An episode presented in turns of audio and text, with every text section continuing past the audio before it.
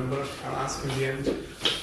Um, I'm going to talk about um, architectural democracy, co-housing architecture, politics, and uh, things around this. This is not meant to be a very rigid um, presentation, so feel free to ask whenever. It's more of a discussion. But I want to start with, um, with, a question.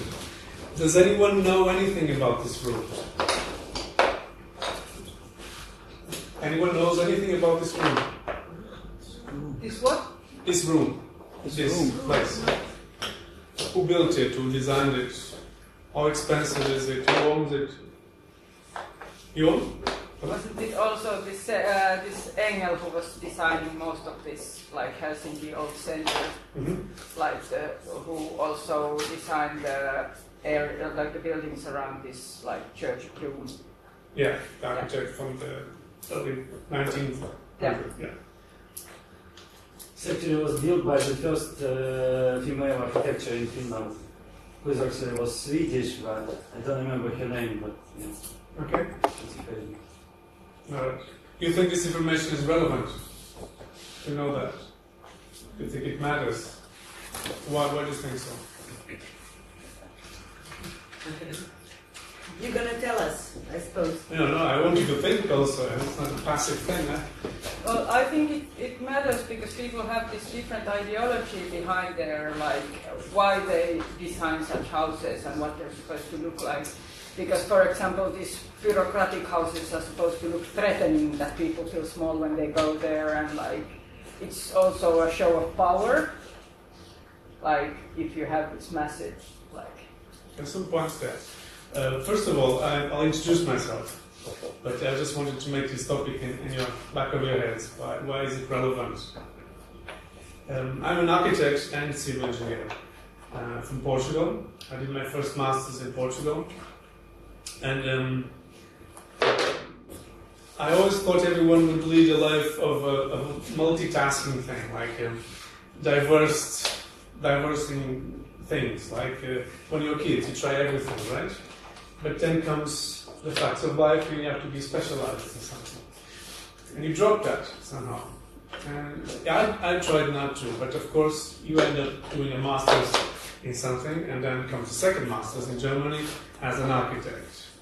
But always trying to uh, be this um, multi multi person, which of course I'm sure many of you are in struggling with that when you become hobbies.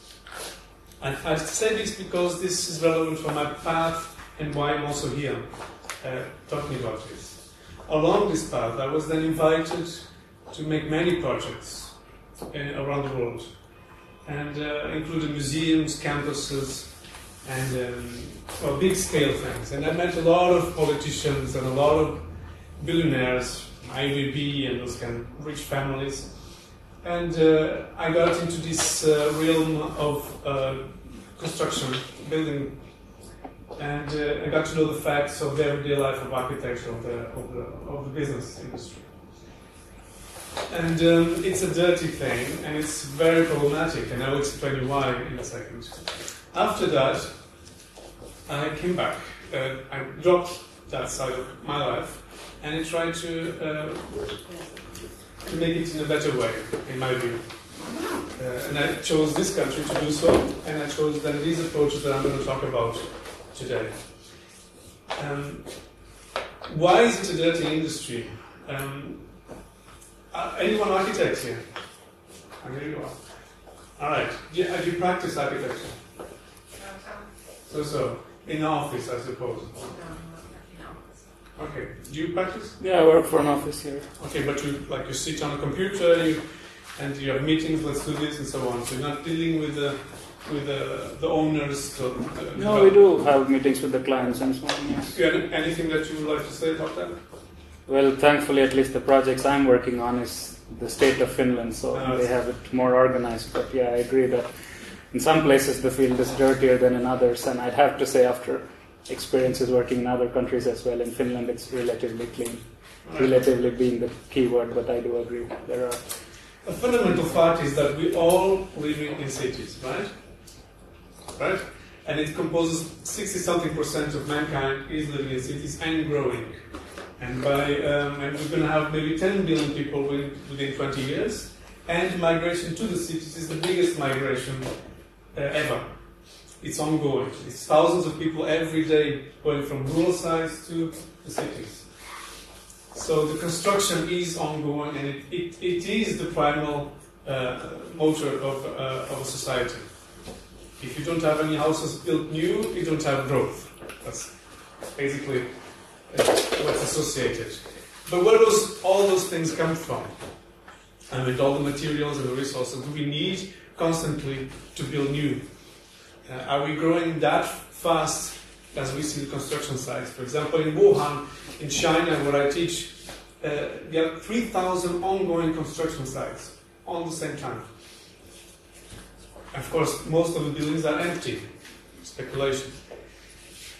How do you make new buildings? You drill resources, natural resources. Um, and we are going back to the, the, climate change or the climate problems that we have. We're on an extraction society, right? Extraction instead of a circular economy, where you reuse things. Besides us, probably there's most of this building probably is empty at a certain time or even completely. Yet, on the maybe on the neighborhood, there will be a, another building being constructed. As we all know, um, uh, China's population is increasing all the time, and therefore you need. So, And uh, I mean, uh, people's wealth is um, uh, is increasing, as we as many people know, and more and the, and the more wealthy people are, the more you, you like to go to cities. I think fifty percent or so have moved from rural, rural areas to cities, and therefore it's uh, just natural to build more construction, uh, construct new buildings for jobs and, and such. But okay, on the yes, other of hand, course. But- these are, I mean, there are resources for for all the things because. Um, for, for everything. I'm sorry for my English, but I use it isn't. But look, that's I don't use the really best language right now, but anyway, my point is that yeah. because China's cities economy is uh, just so well, so enormous, and people are attracted to going uh, to move and to work. work. There will be more, even more pollution and environmental issues with because of the new buildings. Yes. I'm focusing one part of it. I hope you get my point. Yes, I'm, I'm going to the next part, which is, of course, this is all quite easy to understand. Okay, there's more growth, and we all know this, this uh, old, mantra. Uh, um, infinite growth is only the mindset of an economic, you know, of a crazy person. We have limited resources, but that's not even the problem that I'm wanting to focus on. Who makes, makes the decisions of resource allocation? That's the biggest point here. Because you're living in the cities, and actually the city is forming your life. How much time I get to work, if there are trees, if there are lakes, if the, the air quality, um, if, if a building is aggressive, if there's corners, it changes my life, the, the whole feng shui thing, but it does. Uh, who decides that? Can I ever work? Well, sometimes we have zoning planning, we have city councils, people discuss and so on. But are we really participating in that discussion? Do we really know what we are discussing about? I asked you about this room, and I would ask you about your homes, and you could not say the same thing. Maybe you know who you're paying the rent to, but that's about it. You don't know why it is there, who built it, why it was built, how does it work, which materials, where does the money go from, to, and how long it will be there. But then, this a room makes a building, a building makes a block, a block makes a city, several ones. And we all live in cities, and then we are asked, as democracy, to decide on matters of the city. Politics, by definition, is decision of the matters of the city. Matters of the city. Polis is city, politics, matters of the city. So how can you and every one of us decide, make a decision, vote for anyone if we don't even understand the basic concept of a society, which is the city? Okay, there's a problem, right? Yeah, everyone agrees with that? Or everyone has to? You look like you're upset. I'm not upset. I'm just concentrating. So if you, if that's, I mean, of course, we're all busy, right? We all have our things to do. We're all specialized in our different things, and we try to understand the most of it. You know, we read the news and we try to filter the news about that. It's difficult, and it's uh, it's a lot of layers and it's a lot of data to assimilate. On top of that, of course, you have what I call au- automatized democracy. So you have all this data pouring out, and who's translating into decisions?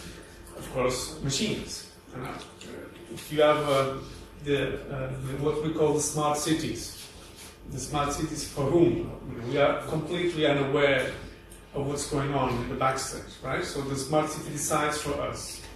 So we are passive elements of the city, which is making it worse. So we can either use the smart cities or the IoT, the Internet of Things, to improve our understanding of the city, or we can just be passive. But on another hand, is that we are limited, uh, we're cognitive limited. So we cannot assimilate that much amount of um, information. So we do need machines. So you're getting, you understanding what I'm getting at? So is there a solution for this? Would you see any way that we could um, improve our understanding of the cities to act more directly into it, or to go against this passive way of living? No, no. You understand the question? You, you see any? Would you see any solution to fight against this? Um, well, first off, I don't think that um, like the Internet of Things or smart cities are necessarily a way for the actual people living in the cities to understand the, the buildings in the cities better, because it's always going to be, I mean, in those cases anyway, it's going to be through some interface that's designed by somebody who wants to give you, you know, limited understanding of the sort of surface level functionality of the, of building. Um, maybe you know if you if you know what you're doing and you're sort of tech savvy, you can work to understand it and you know hack your your smart building. Uh, but I think that really it has to be um, the people have to be incorporated in the process from the, the beginning. So you have to design the buildings with the people who are actually living in them if you want to achieve a situation where they actually understand how things work. Uh, but doesn't that create sort of elitism because not everybody can choose where they're going to live? I mean that Helsinki City had this like official policy until like the end of the 90s or beginning of the 20th century that they built these mixed areas. That th- there's always a mixture of these uh, more expensive like apartments or houses or and then there's like these cheap city rental apartments. But they actually made this uh, decision that they gave up this policy, so now they can build just these areas areas for just wealthy people.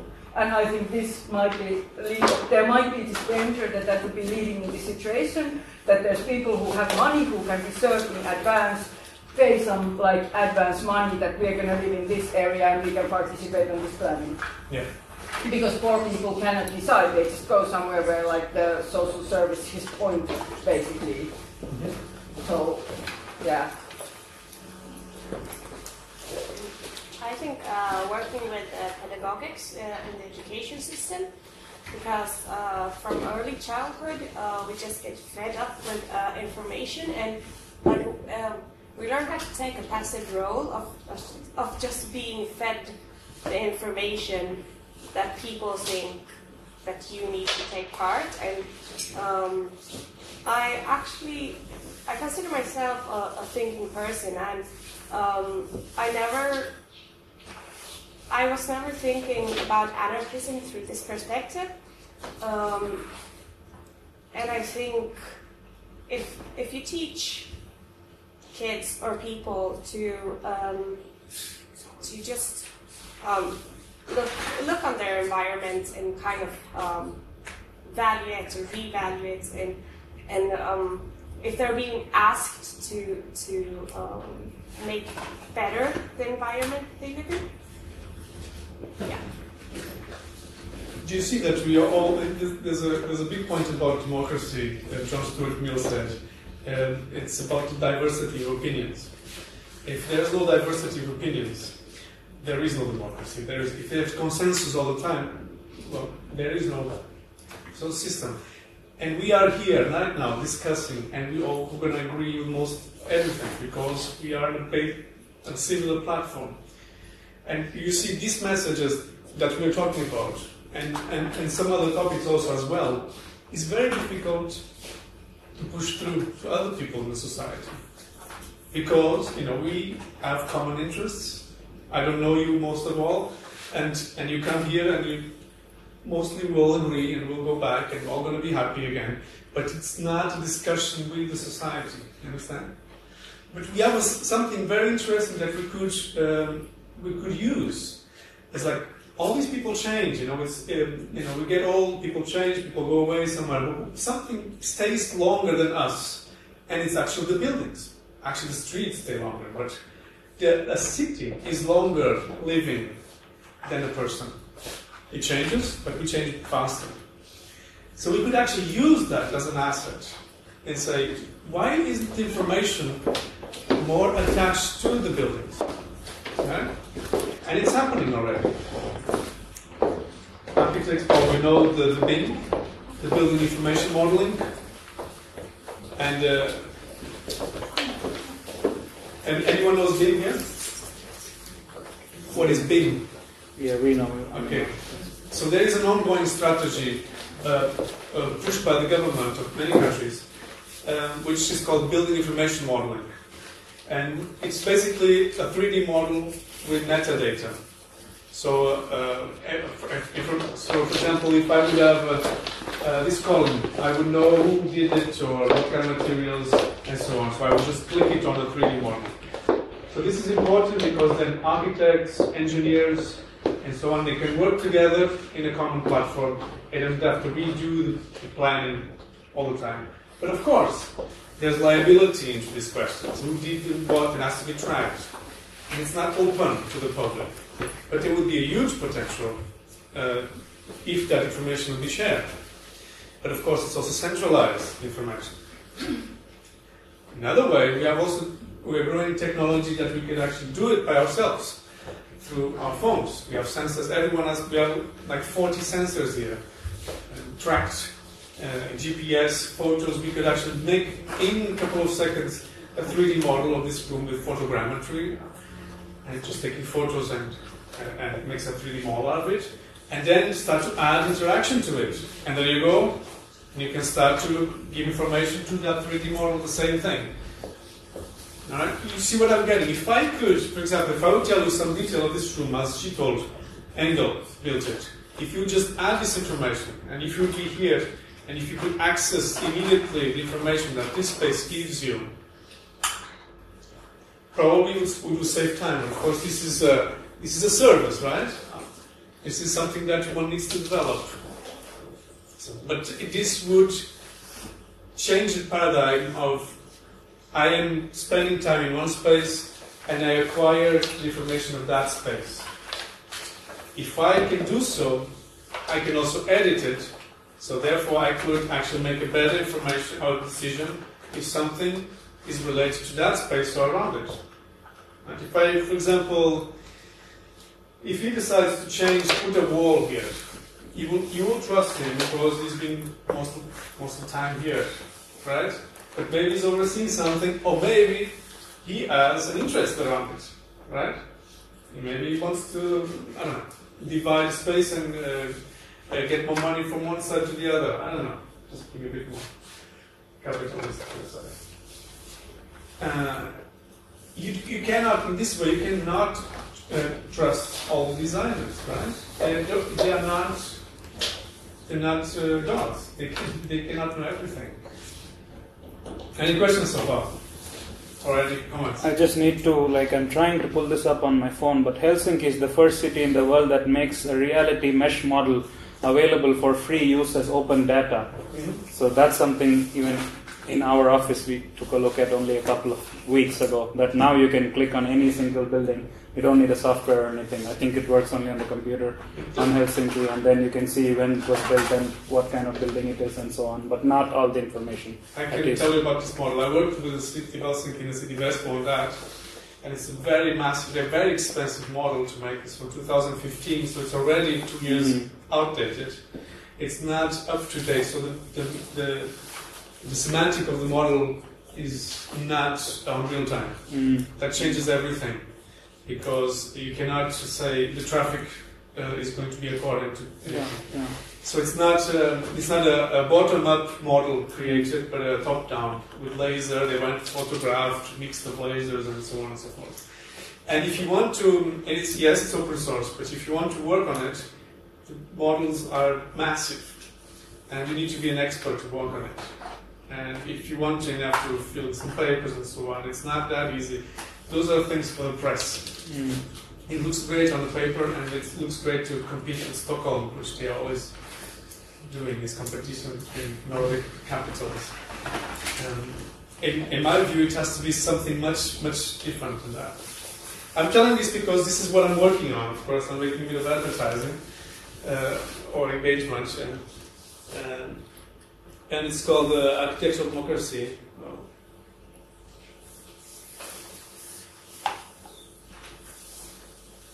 And uh, we are testing out these things, how to make, um, how to turn buildings uh, into open source tools. Like how you could yourself create a 3D space and add information into it. And uh, what are the consequences? Uh, uh, what are what are the difficulties on that? So that's that's what I'm talking about, and why would anyone do that? But this is, of course, one side of the coin. I don't want to be focusing too much. If there are questions or discussion, please uh, tell. But I wanted to also focus on, focus on another thing, which is a more um, basic level, which is the co-housing in cooperatives and renovation. Uh, something that, of course, I'm also involved. That's in very much. And uh, anyone knows anything about co-housing? Nothing, more or less. You know? Can you explain? Yeah. I think we all know something about co-housing. So you share something, better rules, and hopefully you make together. Yeah. Something like that. All right. So the what I was talking about before about the diversity of, of, of opinions and discussion, and you were talking about if we learn when we're kids to to be investigative or even uh, uh, able to discuss matters, we are not going to do so if we are living in little boxes in our apartments. Again, the designers are doing that not because it's the best for the community, but it's the best to maximize profit of a certain few. It's not a conspiracy, it's just normal. I've done this many years. The smaller the room, the better, because you can charge the most. But that undermines the complete social aspects of living together in the community. So you know that any, actually 20 years as happens here in Helsinki, so you know, 20 years besides a wall, that thing, and you never engage with your neighbor. And you know better the TV star, which is, is not your friend. But the person who could help you, you ignore him or her all, the, all your life. So the, one of the ideas of improving discussion, and therefore improving the exchange of ideas and ability to discuss, and therefore also to inform oneself and to inform others, is to actually talk with people. Talk, and at best with the people that you have to live around. Because they share a common space where you have to decide things. And this goes back totally to the politics of a city. The, the decision making of a location starts in the conflict of my neighbor and me. Not, and even the girlfriend or boyfriend, you know, those, that's where we start. If we cannot, if we're not able to discuss at that point, how can we be asked to talk on a higher level of a uh, whole city? And we see everyone agrees that our politics are going on a very bad um, Trump-like uh, direction, right? So in in, uh, in this approach, in this uh, in this framework, uh, co-housing is a, is a is a good alternative. It starts it started in, in Denmark in the 1960s, uh, the modern co-housing, and uh, it's already eight percent of the, the housing of Denmark. And uh, we have already some examples here in, in Helsinki, Maltatal, for example. And the basic concept is it's not a hippie village. It's not a, uh, you go there and sleep all together or something like that. no. It's um, you have your own apartment, your own things, but you have very large and attractive common shared spaces. For example, big room for meetings, for doing your even small business, uh, a big kitchen, a big laundry, workshops, and sauna. Sorry? Those we are talking about, they are occupied housing, aren't they? So they are rental housing, all of them. I didn't understand. Yeah. At the beginning, we were talking about rental and, and all occupied housing, or No? someone was talking, I don't know. We were talking about uh, city apartments and, uh, differences between certain housing areas. So my point is here that most of the co-housing projects we have in Finland, they are only for regular people who can afford it. They are all occupied housing, so they are not rental apartments. I, I think that's one good case. I didn't really understand. But maybe you can comment. Uh, you mean that they are like people own the houses? Yeah, it's not like occupied, but it's bought.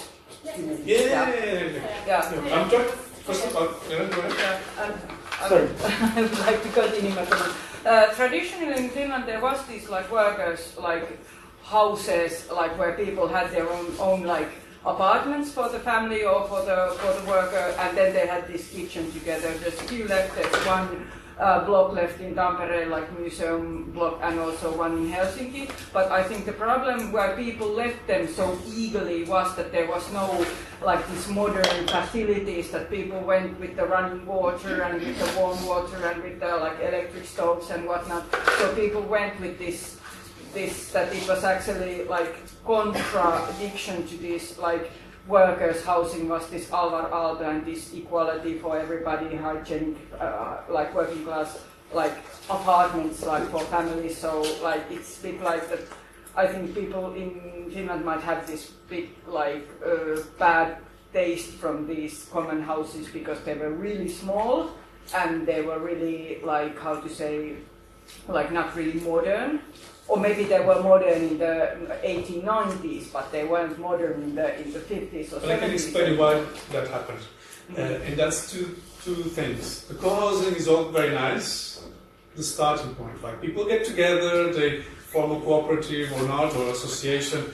They build a house together with all these ideas, and either they buy or they rent or make a cooperative or those sort of things. But then, as one of them dies or one of them moves out and then sells to other people, and it starts to sell or rent it, that's the point where it gets tricky. Because that's what I'm going to, for the co-housing to the cooperative side. And not all cooperatives are the same. In Finland, we have a lot of housing cooperatives, a bunch, but they exclude the fact that the people who are living there can choose who's coming in. And this is, a, this is wrong in my view. I hope somebody disagrees, so we have a final discussion. Um, but in many other countries, especially Switzerland, uh, the new co-housing projects, cooperative co-housing, they say if a person moves out, the new one that comes in has to be agreed by the people living there. And this is important because that deteriorates. If you don't know who's coming in, you don't know how is he going to, or he or she, take care of the place. I mean, it can be just a business guy who never puts his feet there, so he doesn't care. You know, he maybe doesn't fit the rest of the community. Yeah. And also another thing, uh, another thing is that um, cooperatives are different models, uh, and the best ones, in my view, is the ones who are shares, and the shares are not transferable. So if you move out, you have to give back the shares to the cooperative. So there is no, uh, in a sense, there is no investment, no profit in getting a house in a cooperative.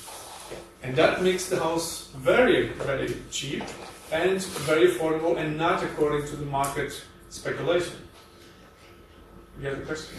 Yeah, um, more or less a comment on this current trend in Europe, in cities at least, because co-housing, I think, at least as architects, we've been selling it as the future of living.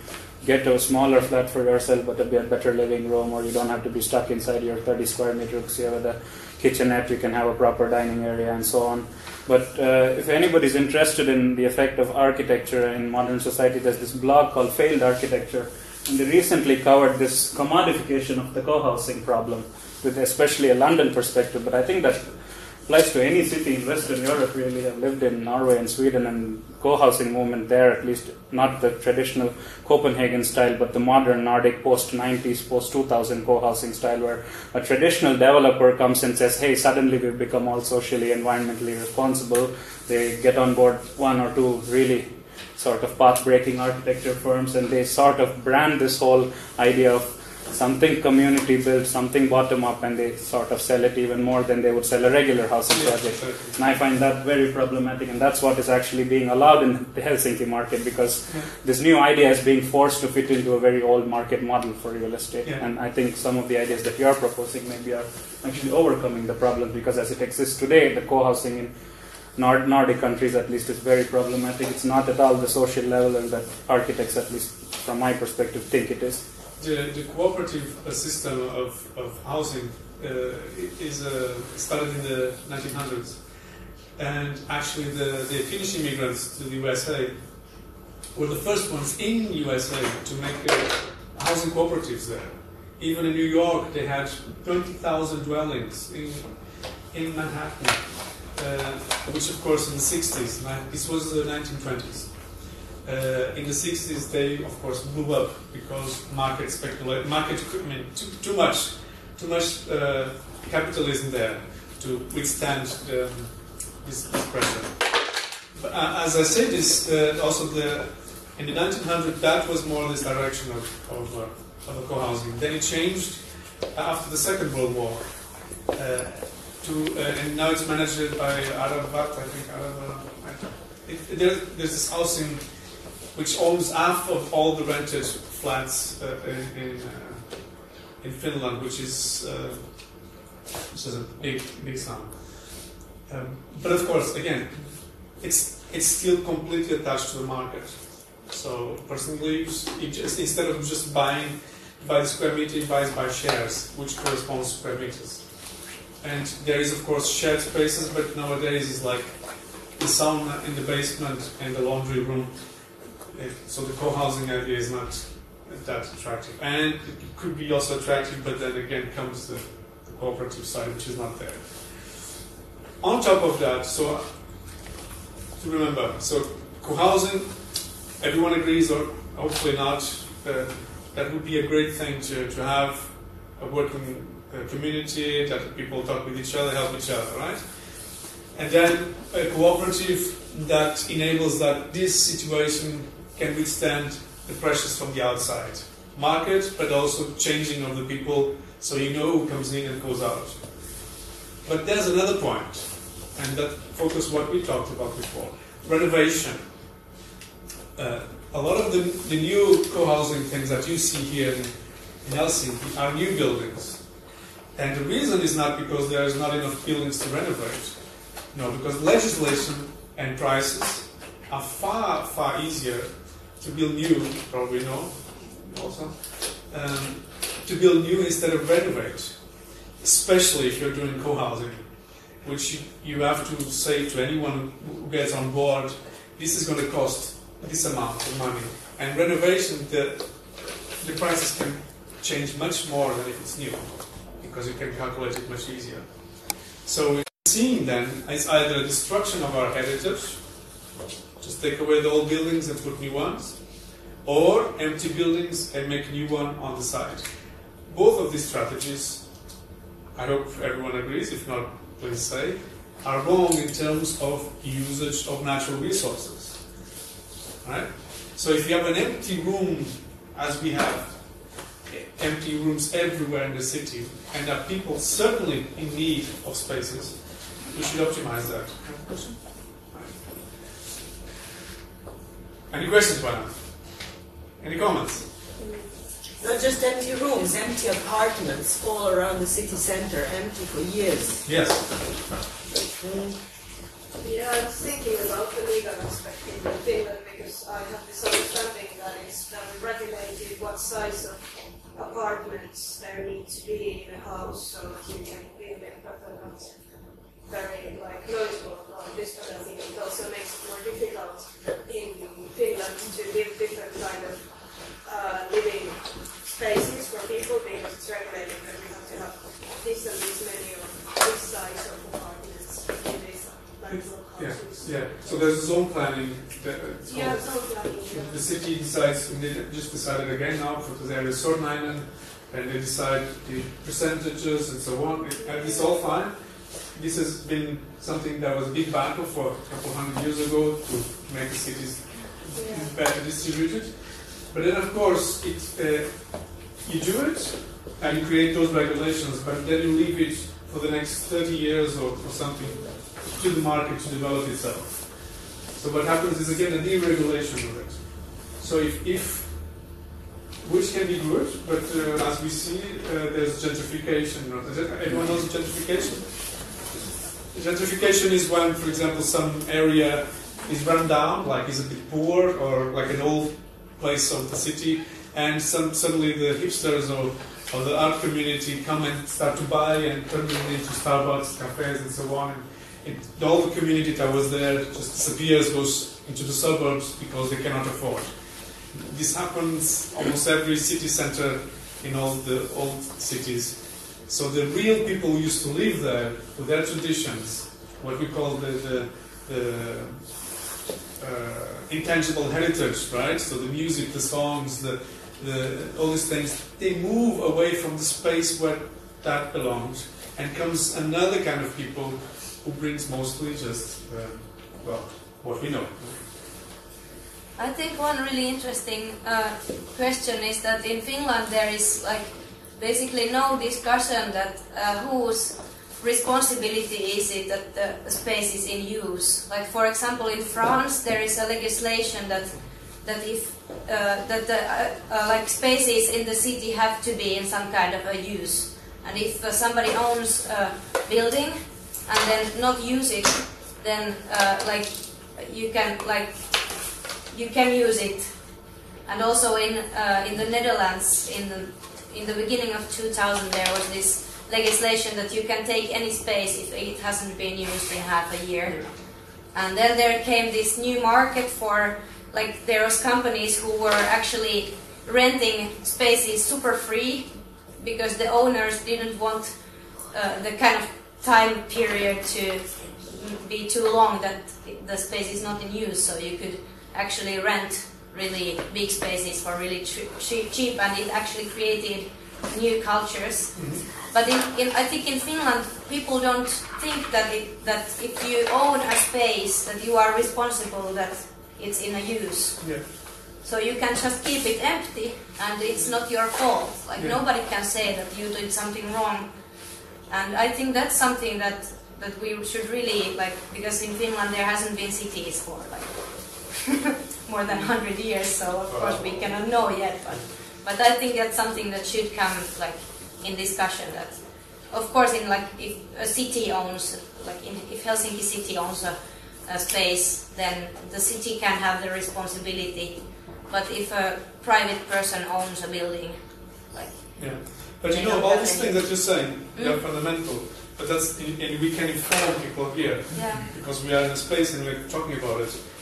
If we are not talking about it, nobody knows about it. It's just a piece of text somewhere in the website, and that's that's what I'm talking about. This legislation actually exists, and people, many politicians, force that. It's also in Helsinki. Just for example, there's one that's probably going to pass, which is um, called uh, I forgot the name. But to uh, to map the places which are empty and being used, and to, for example, for uh, governmental buildings, they will start to have um, a sensor in the doors So you could actually get a code if you can just apply. But it's place. only for public, exactly. but not for like if a company has an office Yeah, building and yeah. it's not in use, like Yeah, exactly. nobody can say anything. Yeah. Any more comments? Thoughts? I mean, this should be a discussion, right? Anyone disagrees? What should we do about this? Um, there, there's been all this talk about like, uh, um, I, I have a good example from Helsinki. We have Oranssi. Uh, been already around for like 25 Oranssi. years. Yeah. Uh, yeah, which is like, uh, uh, yeah, like um, renovating uh, old buildings and uh, renting them out uh, for uh, like uh, for free, you know, living Yeah. and uh, yeah, and people who live there, yeah, I live in Orange House. We choose the inhabitants, and like the rents are really cheap, That's good. and it's like based on like income and like yeah, yeah, like you have to have a low income to uh, get the apartment, Yeah. like homeless time and so on. So you're working on that? Huh? You're working on that, or you know it? It's been it's in Helsinki. It's already been like around for more than 25 years. Started out with squatting, and um, and it's working very well. And it's a good model that people could use for Good, I'll starting check it out out. I their own. Yeah. projects. Um, yeah, and like the houses are renovated together with the people living there. And Alright. Well, you should give me the, the name of it. Oranssi. yes. Right. I think there's more people who would want to come there than it's possible to go. Yeah. I mean that it's really like. But it's a good model that Yeah, could be yeah. used more and like also we are like uh, in very good relations with the city and they are actually like uh, like contacting us and oh we have uh, like a house that like you use it. But I mean that there's a lot of people who would want to like live in a place like that. That it's actually really uh, tempting for many people. Yeah. Do they have a lot of shared common areas? And how's that working out? Question for you. Well, yeah. Do they have a lot of shared common areas? Uh, and how's that working out? Uh, we don't really have like it's like uh, mostly well the house that I live in is just like uh, like one room apartments. Everyone has their own kitchen, and it's like because uh, we haven't like designed the houses. It's uh, yeah like it's like old mostly like old workers buildings Yeah, that should be uh, changed. That have been renovated, uh, so we're like stuck with that, uh, what we have. Uh, but yeah, we have like one common shower and so on, but like, yeah, but we work together, uh, renovating the house and, and like taking care of the garden and so on. Like, have good relations, like we know who lives there and like Do you have like continuous uh, projects and stuff? Uh, well, we've had a lot of renovations going Yeah. on there, and like taking care of the yard, and we build a hen house, uh, like oh, just finished now. Um. Uh, I had, it's, it's kind of going back in the conversation, but I had a thought uh, on on common spaces or uh, or people sitting in their lonely apartments.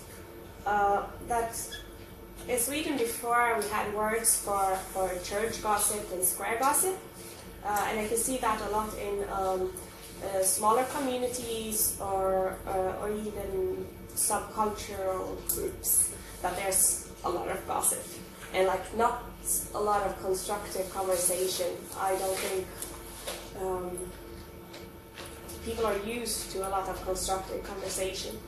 Um, and that's why like I'd like to question how we are uh, mature to have common spaces again. Like I can see tools of information today, like the internet being an adhesive um, to the conversation. Um, I can. but but uh, I, I think also like maybe we are because we had that kind of problem with common spaces before. Yeah. So I, I want to know uh, if people think that we are mature to share share spaces uh, today because I feel that um, there are some some benefits of being um, a faceless person on the internet in a conversation Yeah.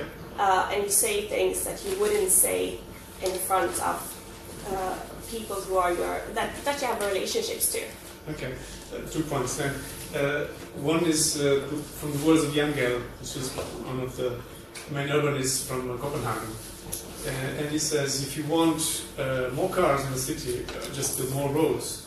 If you want more people in the city, just make more sidewalks. If you want more bicycles, make more bicycle paths. Just provide with a platform. In 10 years, it will happen by itself. It's called human nature. We adapt to a situation. So if you plan a city according to what you want it to be, it will become like that. It's just a question of patience. So so I'm pretty sure that if you would make more discussion places, more shared spaces, in the beginning might there be a lot of problems, but it, it goes better. But let me just put the second point, the privacy point.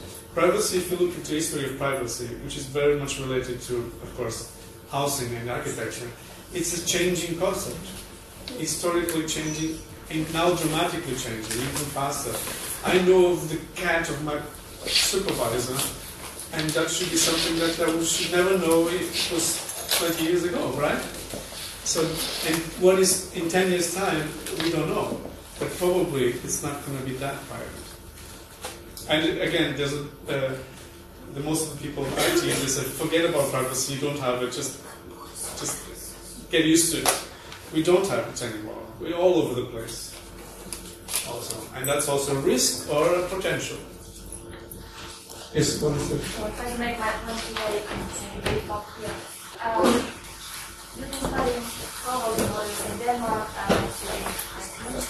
And many of those uh, projects are roughly rental housing. I was also uh, Sweden and many rental housing projects also is used. So how can we make that kind of development happen in Finland based on your understanding? What's so different in Sweden and Denmark when they have rental co-housing projects? Who should we contact? The city, ARA, building developers, how to make them interested? It's a good example with Orange people that said, but it's a, a small scale. but talk about bigger scale. Yes. Well, um, I wish I could give you an answer. I, I'm doing this Sparta Scholar project, which is doing that. Uh, and I don't know all the details about Swedish and, uh, and uh, um, Danish model. Uh, I do know a bit of the Finnish model, and as I explained, the, the rental process is is not a good one because you leave and there comes a new one. So I would, and legislation is changing. I don't know of the of the co-housing part of uh, uh, it's because it's not so uh, generalized. There's a spec- specific legislation for that, which only a few uh, construction companies are aware of it even.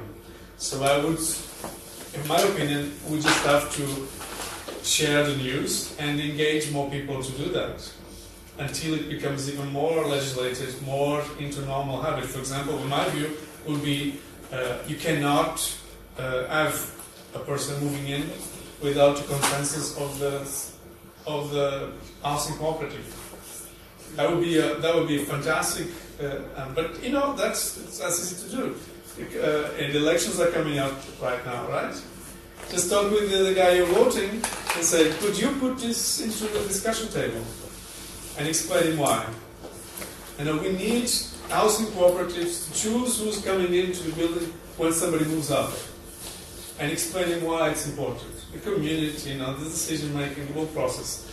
And then you vote for him, and you will try to put that on the on the discussion. So that's you know, it's not the perfect system. Everyone agrees. I I know, uh, but we have to work with what we have. Right? Or the other ways, uh, what she was talking about is like how this uh, Dutch people, how they made, uh, how they, how this law became that you can actually take this empty building. That it, it started with the 70s squatting. People were just taking the houses. It was like, like just like the law was changed through the direct action. Yeah. Orange started with the squatting as well. I don't think you necessarily have to go to your politician who is who has no guarantee that they, they, they politicians don't have to keep their promises after the elections. I mean that there's no law with that, so But they can promise now whatever they want. Again, but the point is that there's also this other way uh, that you can just like, like for example, this orange was like the the position was gained through the squat- squatting. Yeah, but again, uh, I, I, gave an interview two days ago about uh, activism, which uh, somehow I'm labeled as now. And, and, and they, oh, what is the best way to do something, you know? what- And there's no one answer. It's just like a multitude of things that you can do, also for that. I mean, there's a there's an amazing squatting uh, um example just happened now in London, a millionaire's house. Uh, just got occupied. Of course, they're going to trash them out. But again, just the fact that they did it raises awareness to the fact that there's empty buildings all over the place, and while people don't have anything, and still we're building new ones somewhere. So this has direct consequences to our economy. Of course, it's great for the economy, but not so good for the, for our world as natural resources limited, right? So this is something that we should, uh, in every possible way, the politicians or just putting a banner, go outside, manifestate, or talking, or doing projects. You know, it's just a question of everyone doing a little piece, right? Like we are, many of us are. Yeah, I just want to say one point that is me quite obvious, which is that somebody here was saying are people ready to live together in co-house? Well, a lot of us do it out of necessity, you know, like a lot of people, especially students, young people, people who have low income, blah blah blah, everybody lives with roommates, and in lots of situations actually it works so that people have meetings and they decide themselves who is going to be the roommate and they share all the pla- place, spaces, even the sleeping spaces. This happens all the time, you know, it's not it's not something like Totally. new and, and, and shiny projects Yeah, that we don't have, like it's it's it's how people live, I guess, everywhere and also in Finland and especially in the cities. Well, it's not everywhere. Well, not everywhere. There's an age group there because you know from the maybe 18 to 20 somethings that out of economic necessity you do that. But then the next step, uh, at least in our heads, is uh, get a partner, move into some isolated corner, and then the community living is uh, is, is broken down, right? But I don't know. I, I, I'm not sure because we're Someone different kind of. I'm sorry, but we are we are of course different generation with different kind of like. Well, I'm saying we as as something, but you know, the economic prospects are different, the culture is different, so nobody knows what's going to happen in 20 years. Maybe then the 30 somethings, 40 somethings are still living in the communal houses, either out of economic necessity or because they like. it. So like, it, it, it, it, it's not. I- I don't know. I mean, it's of course age group question, but I think it's interesting to see what's going to happen with this kind of culture. Yeah.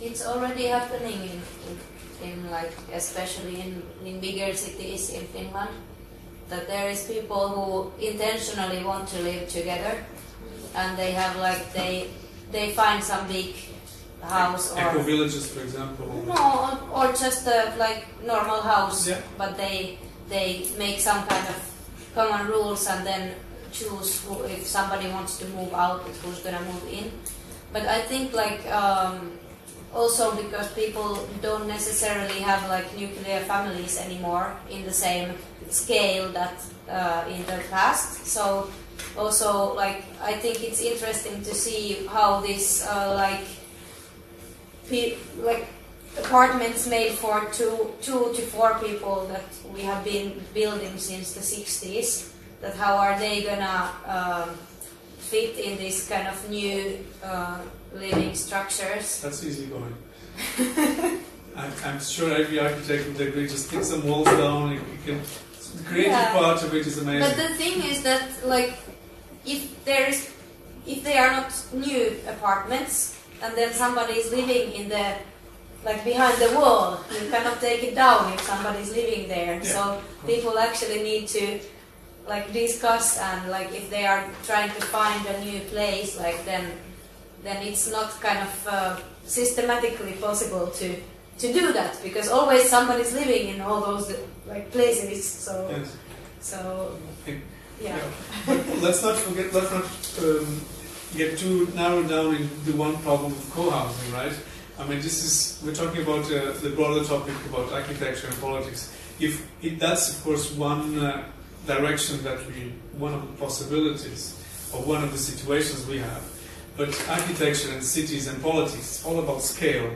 I mean, I, uh, we as people uh, can communicate in a group of 30 people, 100 is already tricky, 1,000 it's impossible, and 1 million doesn't work. And uh, a 5 million country like Finland is still, there's still some kind of a democracy going on. As you know, of course, with corruption, a country with 200 million like the USA, of course, it does not work. It's completely clear how we, and of course, the scale matters. We cannot know everyone's opinion, we cannot even process it, and we cannot make a, a wise decision upon that.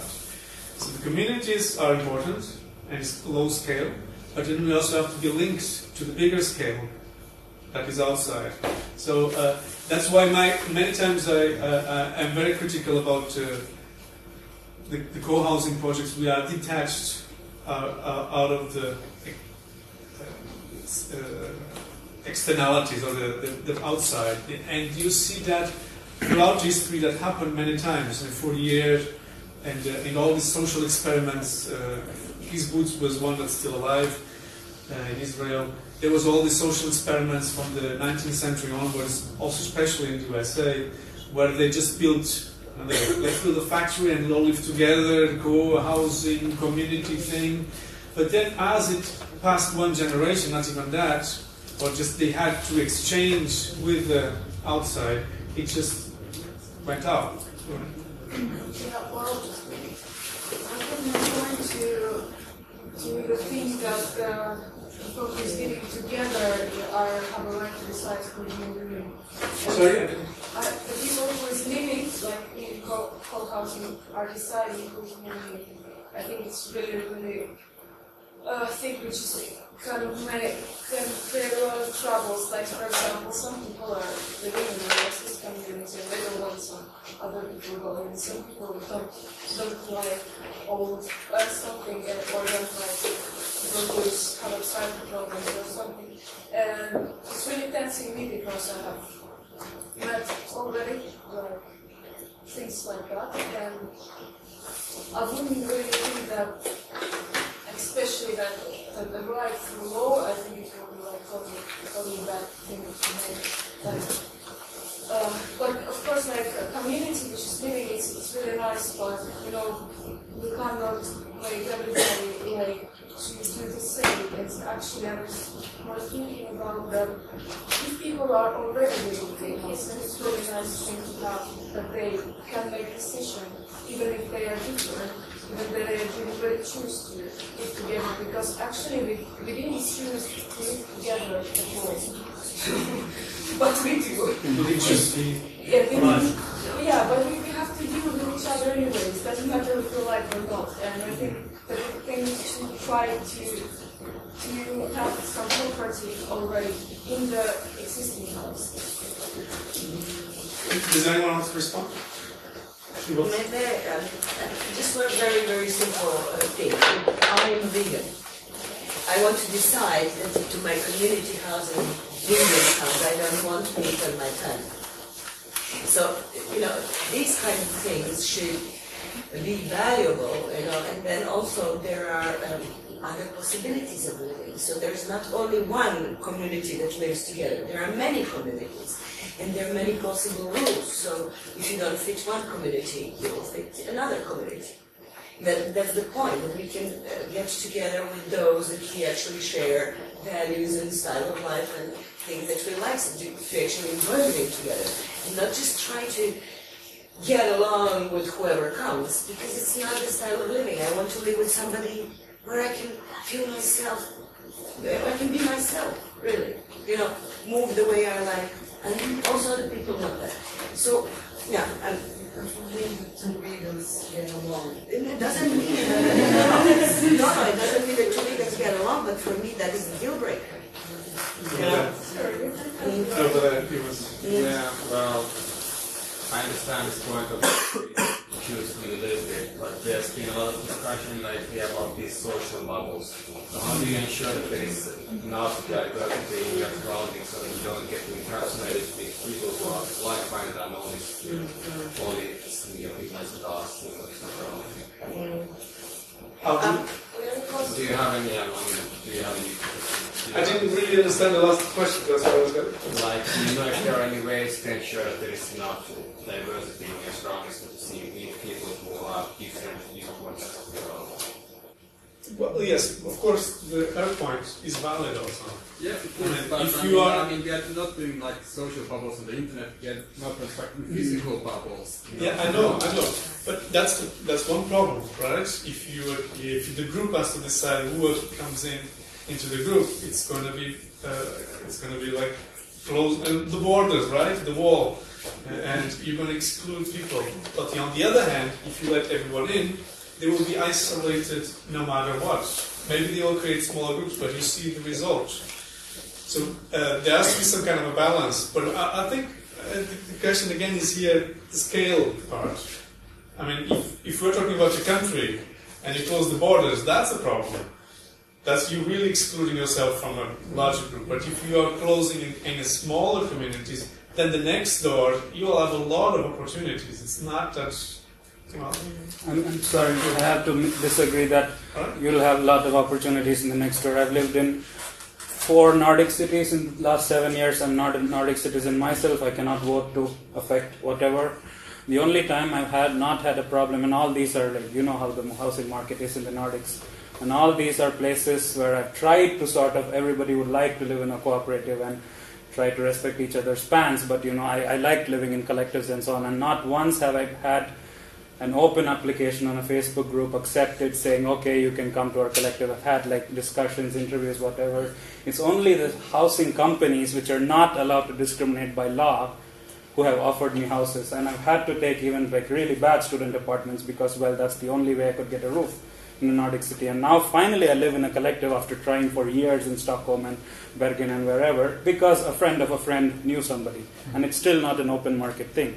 And that's the sort of thing that can very easily happen. We don't want a city that's ghettoized and okay, it sounds very nice. Yes, of course, everybody has to agree and everybody, okay, but sometimes I think we need these lifestyles to, we, we are where we are today because we live in this, well, the red green bubble basically. We're all agreeing and okay, like I could live with somebody putting meat on, I'm a vegan myself, somebody puts meat on my pan. I would be okay with it if I'm somehow expanding my sort of like, and that happens sometimes only if you're forced to, especially if somebody's new to the country, if everybody is actually even allowed, especially even with this thing with Kela. Now, three of my flatmates are students, and they probably have to move out from the collective because Kela says they're going to calculate our income, all five of us together, and because two of us are working, that income's already enough for the three to lose all their aid. So the law is actually not promoting co-housing; it's actively going away from co-housing. Mm-hmm. And we, I don't think we should write more things into it, saying, okay, you can actually even more like, okay, we'll only take people who have so much money because we'll make sure the rent is paid. Well, I don't think that's the way. I'm sorry, but as a person who has experienced this over and over again, I have to say that this is not something I'm very positive about. You want to say something? Uh, yeah. Oh. No, I'm yeah, just that I think it's super important that people are able to choose who they live with. And it's really nice to live in a bubble because like people you who you live with like can become like your family and it's important that people choose that, and I think the only way Bubble, collective and non-bubble. a very yeah, I, like a racism, for example, is a problem in society, but there's other ways to uh, like um, get rid of it, and uh, yeah, like people are, are, are interacting in other, uh, also in other environments than their homes. Uh, yeah. Let's make pro pluralism outside of home, because at home it does not have to be so Yeah. present.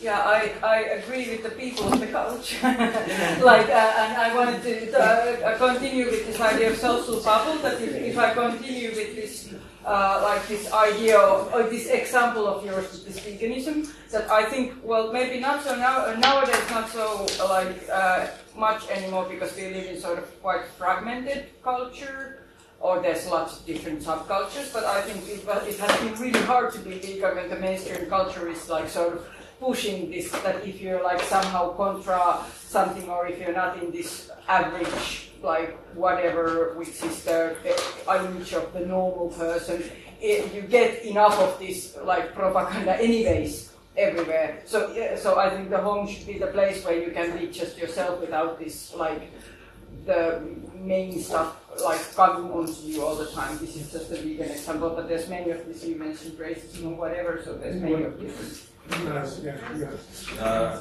I s- I see that this, this is totally a problem if you're applying for this kind of like, if you're talking, about course, of an apartment scale, it's not like a building scale, I guess, like.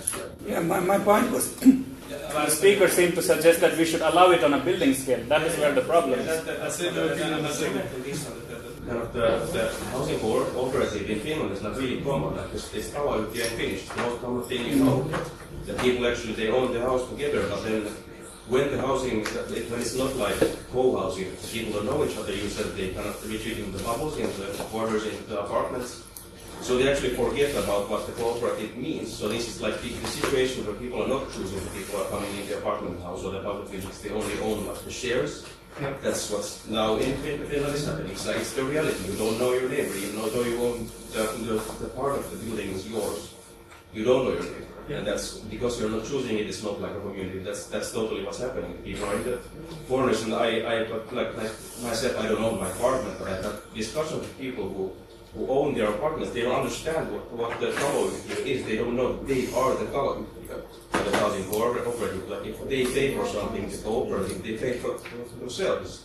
They don't understand the kind of the system that they that, they're part of it. They pay like hundreds of thousands of euros to be a part of it, but they don't understand how it works. Because it's not a community, it's just people, people who have the like the, on paper they have a community, they own it together, but they don't have they because they don't know other, they of like forget about it. The structure what the uh, what the cooperative. I want to also share an experience like uh, from uh, at home last night and uh, this law of like uh, equality, like in the house. You know, like uh, when the all people living in the house are actually can find a cooperative and can decide uh, where the tax money they're paying going to what their wage. And people can do that because it, it's become cheaper to pay the money to the private company. And it's kind of really nice things actually that we don't know that neighbor. We didn't know that neighbors in my family. We didn't know them. We didn't choose them, but we went out to our yard and started to decide, okay, we will pay this money and we want the gates. And probably some of the people who have a car want the electronic gates. And they say, okay, we want the electronic gates, so we pay a little bit more because we want it to work. And it's kind of nice thing to look like, I understand this point of living together. It's really important to have a comfortable in, in your apartment. But we, it's not only because like, oh, I'm in the flat, but maybe I'm living next to you. And it's probably people doesn't matter what I need in my own house. You no, but uh, I mean, uh, community housing also um, uh, means shared kitchen, shared spaces, shared dining rooms, as we spoke about. So I, I don't think that it's uh, like a community uh, neighborhood in all Finland. Like, uh, Or uh, like people living sharing common spaces. Then if you're not sharing common spaces, that's another topic. I think. I thought I would just say that on the yeah, uh, there is different, kind of spaces we are sharing. Like there's spaces like if we're living in the same street, it's kind of kind of tricky to decide who will live on the old street. And we, okay, we are sharing a street, we can make a decision which is included on that street, on our corner like. And in the smaller thing, we can choose them, which is like belong to that. Like, but still, I, I, I don't, I'm really against you like isolating. So I want us to go and knock the door and meet your neighbor. I don't know. It's also kind of Finnish culture. It's very close. I don't know. Yeah, sure. it is. Yeah, yeah but I was like, I was saying that it's a prevailing culture, and it's it's in the in the in the buildings that you, where you don't choose, which I like. I, I have no opinion right now if you should or should not choose, not be able to choose. But the, the prevailing culture is when you are not choosing, you don't know them. There's random people. It just it doesn't happen. So the like like, changing the culture, don't know. It's like within within the parameters that they're now kind of you know living in house. Don't know. It's gonna happen. Yeah, I just want to say about this, these like towers here, these houses that uh, people own together.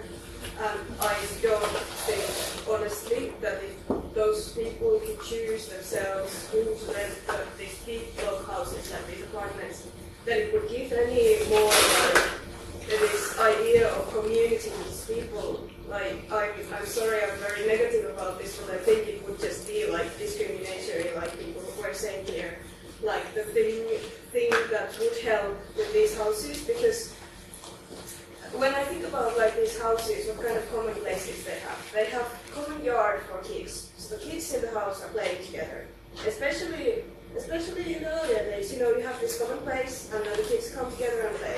So if there's and the more there is common places when there is a grill on the yard, there is a room you can use. Like for instance, my grandmother is living in this kind of house, and my aunt and, and they, my aunt has a project of having a gym in the basement and blah blah blah blah blah blah. She knows all her neighbors. She's very involved, and the more they have these shared places there, which they do, which is not like very much, but the more they have this possibility of using these shared spaces, the more they know their neighbors, the more they do stuff. So it's more about like building these houses so that there is possibilities of using these shared spaces other than this sauna and this yard and this laundry room, but also building, I don't know, this whatever like askarteluhuone, how we call it, which is in every old house where they used to have these rooms where they had like, I don't know, billiard board or something and teenagers would go hang out in the basement, kind of stuff.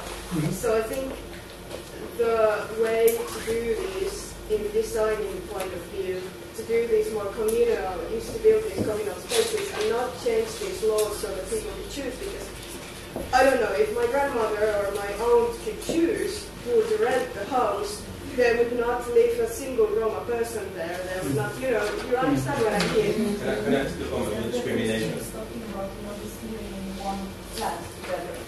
Yeah, my point was about the living in Yeah, one Yeah, but flat. also we were talking about these communal houses. No, I totally agree with you. Yeah, and uh, I would add just to what you said, uh, that, uh, activity is what we need to base our uh, common spaces on because people connect based on activities as we very, very well know. And as you just described, the more activities they can do together in common space, the more close they will be to each other. That's very true. But that means that, for example, ageism or ableism will play crucial Ageism. ageism and ableism. Because those really restrict activities. Because this whole idea of putting it all on a cooperative scale will also mean that you sort of outsource any redistributive justice onto the nuclear level where it's uncontrollable. And mm. it's all based around an idea of choice that's incredibly neoliberal in itself. and it's just a fact that in such an idea of choice, some people would have way more choice. And that would be a middle-aged, middle or upper-class working white person with a specific, very moral lifestyle and the rights of life choices that could choose all of the communities. And then there will be more and more attributes and more qualities to people that can choose less and less of those communities. And that's exactly what we need in globalization. Yeah, but can I just add something? uh, we are here. You have two extremes, right? Either we can choose or not choose. And we're talking on different scales. And, and also different scales, but that's exactly the point. We don't, and that's what we used to nowadays with democracy is either yes or no. And there's a whole array of grays in between. I mean, that's the whole point we are missing out in, in, in the in democracy uh, nowadays. Is that there's a solution in between. We don't need to go. Everyone decides or not. We might have percentages. We might have uh, again a zoning part that this percentage can and it not. We can have a, a mixture of top down and bottom up, so we can somehow find a balance. And that's why the, the discussion was important. You see, there's always going to be some topic of communal living, of, because we're always living living together, right?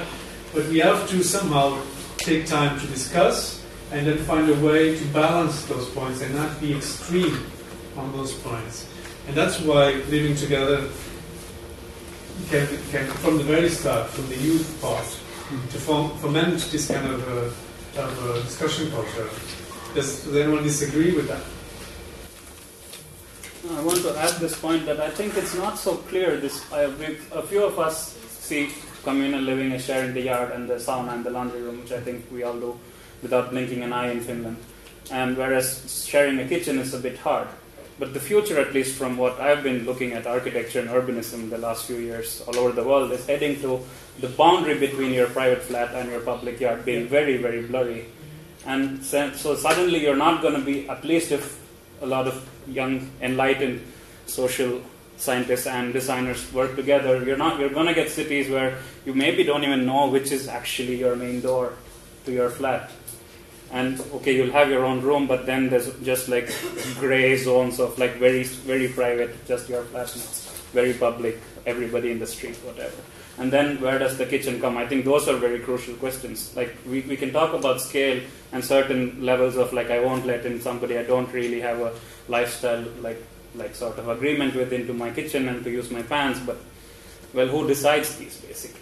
And that's also I think very problematic. We've been trying to even even within Helsinki and like certain areas like even free choice isn't really free. Like you can still let anybody in, and you like they're still not going to be afford be able to afford anything in Jätkäsaari that's being built right now. You can still say like it's all free, and still you maybe like ninety percent of that's, Helsinki. that's a very important topic. You cannot choose. If I, I don't like, for example, to build to live in a place where the window is very small, but many people like. But I don't have a choice probably here in Finland because if I do, first of all, the rent's going to be much higher because the, the heating costs higher or the space is, you know, everyone knows, right? So there is actually who is designing, who is deciding that. It's not we as I want to live in that condition. It's, it's already established by the market prices. So it's a top-down decision, and it is is where you. I have to change my chair.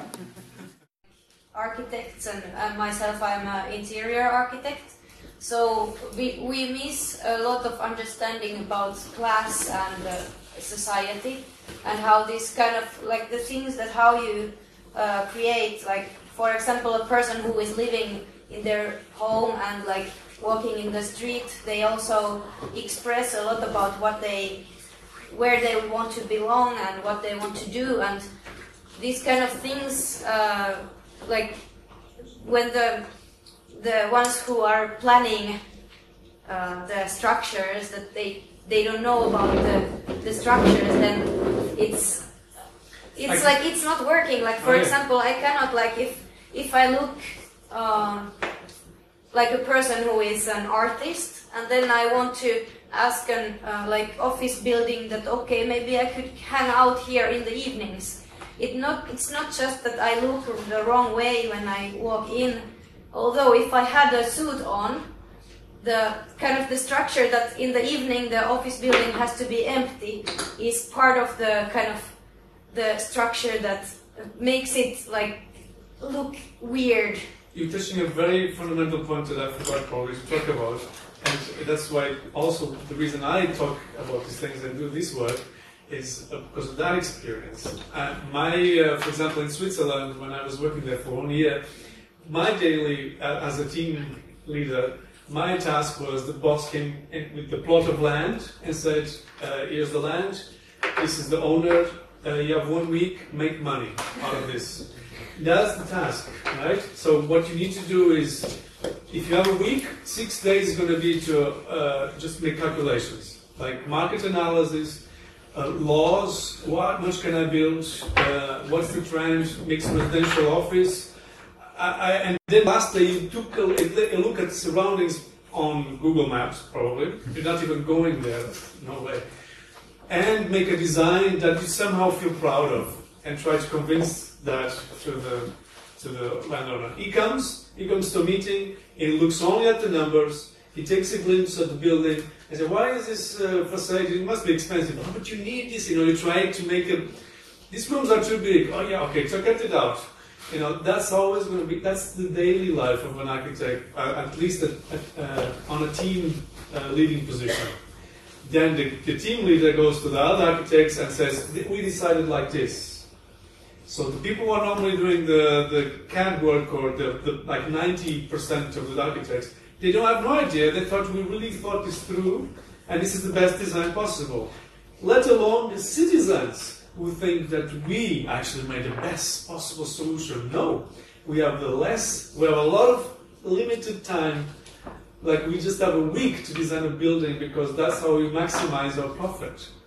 And that's all we are designing the cities about. This is very scary if you think about it. Right? We're not thinking about like who's the community, what's going to happen. We're just thinking, ah, I know this guy, I'm going to give him a call, I can build one more storage and make more money. That's what we're concerned about. Now, if you agree that this is the way we want to lead our society into as designers and as citizens, then we either accept it or we should do, everyone should do something about it. Like exactly what I was thinking when I kind of tried to start to work as an architect because uh, then actually it's like a box and you, you, you need to make the box cheaper and you have no no no influence in that. It's like only only the price which uh, which a company wants to pay. It's me. Doesn't mean anything else, and no no one is like.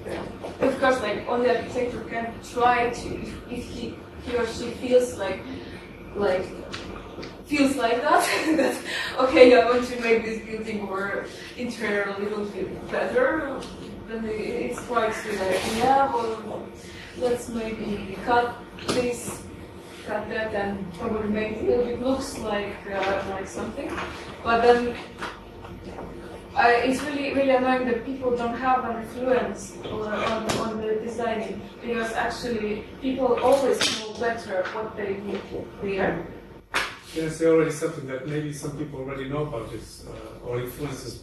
Probably some of are here from Aalto University, and the, the new Otaniemi in the Otaniemi campus is going to be this new building, which had this participative design process, which I was very critical about and annoyed them pretty much.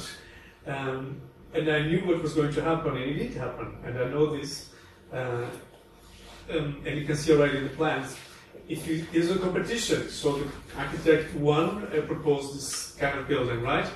And it, with gardens in some like square with gardens and so on. Okay, they won. They are building now. Of course it's a complex process, but anyhow, they are building. It, went over the costs. What do you do? You cut immediately on things that don't matter so much. Green zones, facade. So there will be no little pockets of green. So there will be only concrete there. So you know already that participative design did not work. Of course not. It will never work like that. That's another big topic. How do you make participative and also democracy also in design? First, if you're not an expert, but also if there is no liability on that process. Right? So and if you do it, even if you do it, it takes a lot of time. So how can you fit that into the normal market situation that you ask people around? And then there's a lot of manipulation. I mean, uh, the fact that I just say to you guys, uh, there are three choices for this design. The first one, my favorite, and then the rest one is, this happened to me many times in France. And the politician, that everyone believes in him, says that. And I was like, what did you just do? Like, Of course, they chose the first option. So you can manipulate all these decisions very much. So we need to be aware of all these things and try to find always. Um, there's not one answer for this. Uh, that's what I'm trying to say here. Right? Uh, with that tonight, I was kind of wanting to draw attention back to the image that was chosen for the seminar about not building. Yeah. And with this idea of like non-homogenous design, I wanted to know about your idea from uh, communal living about how that accounts for permanence. Like, are these structures in your head like a, a permanent homogenous reproduction, or are they flexible? Do they change considering family sizes? Like, just in your sort of Yeah. conception of what Well- society looks like. Well, well, I'm not planning a society, Yeah, yeah. but uh, I'm doing this project called Sparta School, which is a renovation of a school, and uh, uh, uh, many things that I've learned in, in the process of uh, as an architect fit into it. It's, there is never a clear answer. People are very different in spaces or in places. Uh, for example, the modular, modular part. If you leave it too open, people will start, what? I'm going to live without rails and stairs. No, no, no, it's just for you to understand. It's modular. but so you have to make uh, some suggestions.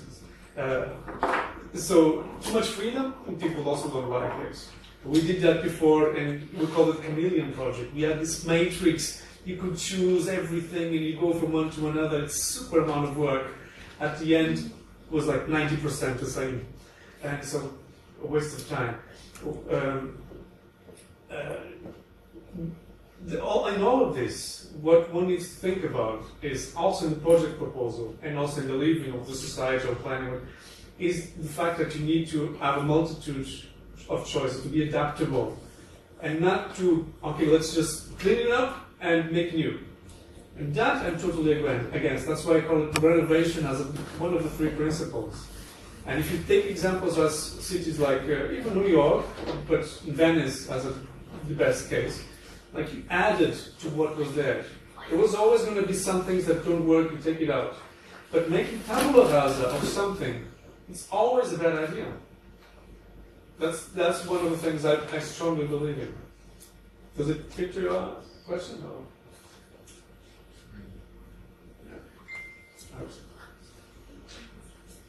Any? Yeah. Um, um, can you say how, like, when you build, like, when buildings are constructed, can you say how capital intensive it is and how much of it is? How, how much? Uh, sorry, How much? Um, well, I understand that building constructions or constructing buildings is quite capital intensive in a lot of my Could you say how much of it is invested in, uh, in design, like how, you know, It- okay. thinking out what you're actually building? Yeah, well, it differs from countries to countries. Uh, some places it's really low, uh, can be even 5 3%. Um, many places the, fee of an architect is 10%, even 15%. It depends on the, on the country. Uh, but uh, what that wouldn't be so, uh, it's not so alarming that part. What's more alarming, in my view, is the investor part. Um, if you are building a project, if you are building something, uh, you always have to count for the profit. How much money, how, how, what is the return rate of that investment? So, for example, if I, uh, in Switzerland, I'll give you a number, um, 4 million, more or less 4 million francs building, would get, he would get his money back in more or less four or five years. And that's what what worried me always. So when you're paying a flat, you're not paying the, the, the, materials, not the construction of it. You're paying actually a return investment of four years. Then you pay a profit. So the next, the a building normally has a life of 30 years. So that's also something that normally people do not know. The concrete we are using in our buildings has a life expectancy of 30 years which means it's gonna, you know, need renovation or be demolished. So we're not building up that sense of renovation. We're just, again, fast and furious. Just do it and make it new, and people do not notice there's a five to ten year guarantee of the building. After that, that's good. I made my profit, and then the return rate, four to five years, and then you start to make money for the next 15, 20 years.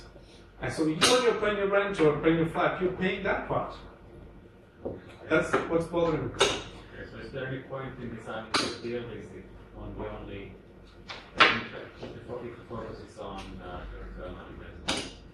I have to speak Is louder. there any point in designing good buildings if the fo- if the focus is on the return on investment? No, that's exactly the point. I- You would build, you would build much better buildings if you would not have this return. Because there would be not that pressure, I want to have it fast. Because if I make bigger rooms, it's going to be more expensive, and the rents cannot be super high because nobody will get it. So his return would be 10 years. That's, that's the problem. So we make the room smaller. I think the problem is like. Oh, sorry. sorry. But just, yeah, go ahead. Uh, like uh, architects all um, they create uh, uh, um, because of demand um, and not not always not only like uh, uh, economical demand but like but it kind of, kind of together like that economic, economical situation and people's uh, uh, values or how they look upon what is valuable. Uh, like before when we um, when people like the workers didn't have a lot of money so uh, they lived in a lot of shared shared spaces then they could see the problems with that and what you desire is what you don't have so um, uh, privacy became desirable and when they got a little bit uh, bit of more money they wanted to uh, to get into a private apartment and now and the workers are in private apartments we can see the problems with that. And like uh, luxury is uh, shared common space and um, deeper values like taking care of your environment and, and stuff like that. So architects is kind of uh, wanting to create that because uh, what the majority wants uh, is usually what the individual wants as well. And so the people with money will get what the majority wants and we always want what we don't have. Can I, can I add, okay, um, it's blurry what you're trying to say, Yeah. but if I can help, uh, the, the desire thing is a very important part. And it started, it's not as being, it's not, it hasn't been there at all. It started in the 40s. Uh, the huge campaigns to actually consume more. Um, uh, we had, uh, in that period in the USA, uh, there was a problem of the surplus, which capital produces. It, it produces always too much, but it needs to be consumed. So the, the absorption of the surplus, which is a topic that David Harvey talks a lot about, David Harvey I recommend a lot to, to read, um, has to be, you know, people have to consume. How do they consume if they have everything they, they need? Well, they have to create new needs and therefore create desires. One classical one, and that where it started. Advertising started there. And the first one, the first advertising stunt that this guy did, I'm forgetting his name, was to promote cigarettes for women. Uh, like cigarettes used to be a man thing, right? They smoke and women, no, no, no, no. Uh, but what he did was just to put in a parade, which was going to be filmed, three women, like charming women, elegant, like emancipated, smoking in public, and everyone was shocked. But it worked as a, oh, emancipated, strong woman, smoking, I'll do the same.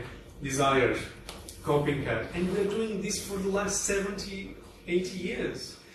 So we're creating desires. Architecture is just going along that. If you see the museums, the massive amount of museums created, uh, Guggenheim drama that was here the last four years, which I was totally against, and you see bunch, almost Anderson, but okay, anyhow. In China, it's almost every week one new opening. It's not because they have a lot of things to exhibit and they were in the basement. No, it to be consumed. The cities grow because they ask they have to take that surplus. So new markets are always to come, and that's the big problem nowadays. We, the markets are running out. It used to be let's go to South America, let's go to Africa, and you know build there. Everything's already pretty much built, so now we have to even consume more or build more and leave empty spaces. That's a Yeah, and I wanted to point out with this uh, previous comment of yours that like with this uh, like uh, houses that uh, like the lifespan is something like the concrete is like something like 30 years. I think that's also a part of this uh, that like they they are built so fast Uh, so the concrete doesn't have proper time to like dry out and so on. So that's why they also like uh, get uh, get like uh, the, or they need renovations also faster. So that's also part of this like capitalist cycle that you need you you build something fast and sloppy, and then you have to again use the resources. You can take the houses down and you can build new ones. So it's also I can comment on that. I, well, because concrete is a big topic. I had. Yeah. I'm civil engineer. I, I have nightmares thinking about Yeah. concrete. And it's, it's uh, from the engineering perspective, it's not about that. It's just about costs. Uh, to make a C30, which is the one is 325, which the one is used, it's uh, quite low cost. But if you want to make a dam, like a, a bridge, you use uh, C50s or even special ones, which are far more expensive to do. They use a, a more rare materials and much cleaner ones. If you would know what garbage is inside concrete, you would never use it. Never. It's ashes of everything. yeah. You were saying something. Yeah, um, there are. I I was told that um, uh, it's it's possible to use it instead of concrete. Is um, you grow this mycelium for mushrooms, uh, and you pour water on it, so it kind of behaves like uh, concrete. You can make bricks out of it. Uh, but I wanted to know. In, in what time span do they decompose? Because uh, because you grow it, it's a, it's a natural resource, and also it's uh, really, really cheap to produce. Those things are always the main problem is the scale. Yeah. It's, it's like those bacteria that make fuel. And they can make fuel like you know very little amount. And if you want to scale it up, it's impossible. It's literally impossible. You would have to have uh, uh, two herds to, uh, of bacteria to produce amount of you know. It's the same with those situations. That, let's not forget, concrete was a, a fantastic thing. Uh, uh, I'm not saying bad about these things. And concrete enabled us to build bridges that were unthinkable uh, back then, dams and so on. But of course, then they use it for housing, and they started to make flat roofs. It was a big mistake. We'll start to now go back to those mixed ideas. Again, it's the fact that we do, should not radicalize any kind of solution that we have. It's the same thing now with the, the, the climate change and so on. No, no, no, let's all forget nuclear power and now go to wind power. No, let's make a mix, you know, let, let's uh, balance out of those things. And easy assumptions are done on that. Like uh, everything is bad, and then a new technology comes in. Uh, that's just, I think, therefore, what I'm, I'm pushing all the time here is that when we are discussing this, uh, it's very important to have that thesis and antithesis thing aware that we should always listen, even much better the others, other parts from a uh, perspective. Especially the expert and the non-expert thing is a, is a very dramatic thing in democracy. And a lot of debate went through thousands of years on this, and we still haven't found out a, a solution for this. But it's, it's, it's very, very important to talk about it and to discuss more. Anyone else? We should stop soon, right? Yeah. Oh, I just wanted to say about this, this concrete and capitalism. I also like to blame capitalism on everything because in Finland, like most of this like horrible rotting concrete bullshit schools and stuff, they've been very social democratic lovely projects that have Sorry, but social democratic is also capitalism. Yeah, I know, I know, like, and, and, and also this all this rotting concrete in both Soviet countries. Do you understand what I mean? Like, is like Also capitalism. Or only that the owner is the state, not no, no, the... no, please, let's, let's not go there. Like, what, I, what I'm just saying is that, that, that it's not only capitalist logic that builds this like crappy concrete housing. it's many, many kind of also this different kind of states that produce this kind of bullshit buildings which don't last and which will rot and then, then the children will have allergies in the schools when they are they're coughing out this rotting concrete. Well, but then you, but then again you have, uh, for example, the 80s they used to have this all this new material for insulation or for the heating. This is great, and then we found out, oops, this is cancerogenous. Uh, but you know, there's a big uh, solution that might have, should have been maybe tested in or maybe should have been implemented in a softer way. Anyone has uh, a final question? Yeah. What if architects just one day like decided that they they are responsible of all these things that because of course normally architects have, are the ones who have really great ideas and they are also really ideological uh, when they go studying and they really want to make something good but then because of the like the structures and the capitalism and the like things that cannot come true are always happening. And then you are just kind of in a moment where you have to do things that you cannot cannot agree but you still do it because you have to because you are working in a company and you have a salary and you would get kicked out from the company if you didn't do it but if, if everybody would just like one day say that okay i will just do things that are good like what would happen Uh, it would be chaos. I would not trust any architect to decide. Uh, no, it has to be again a mix of, of different opinions. Yeah. And if you look into the teaching method, which I am very well aware, here is not not so bad, especially in Australia, it's ridiculous, and they impose you what design it is to be done, and USA also. And well, that's the reason I was kicked out of that as a teacher. Uh, you don't you can you, you are taught uh, many things in architecture that are completely absurd. You're not taught how to think of, about numbers first of all. No that's for the engineers. Okay it, it's good to have a dissociated head of that but you also think and that's the most dangerous part you are thought into a star system. Of the architect as who has the biggest dick um, uh, in that metaphorical sense right uh, like who's going to make the biggest one and the most wow one. Zaha Hadid. The star system is corrupting the old principle of having a good living space. The architecture is based on a good photo nowadays, right? You open here, wow, what a building! Yeah, the one million dollar shot, as we always say. We pay rivers of money, of money to renders. We used to pay like four thousand uh, uh, dollars for one picture, per picture rendering. That would be good, just to advertise it. And this is a low-scale project, so that defines the project.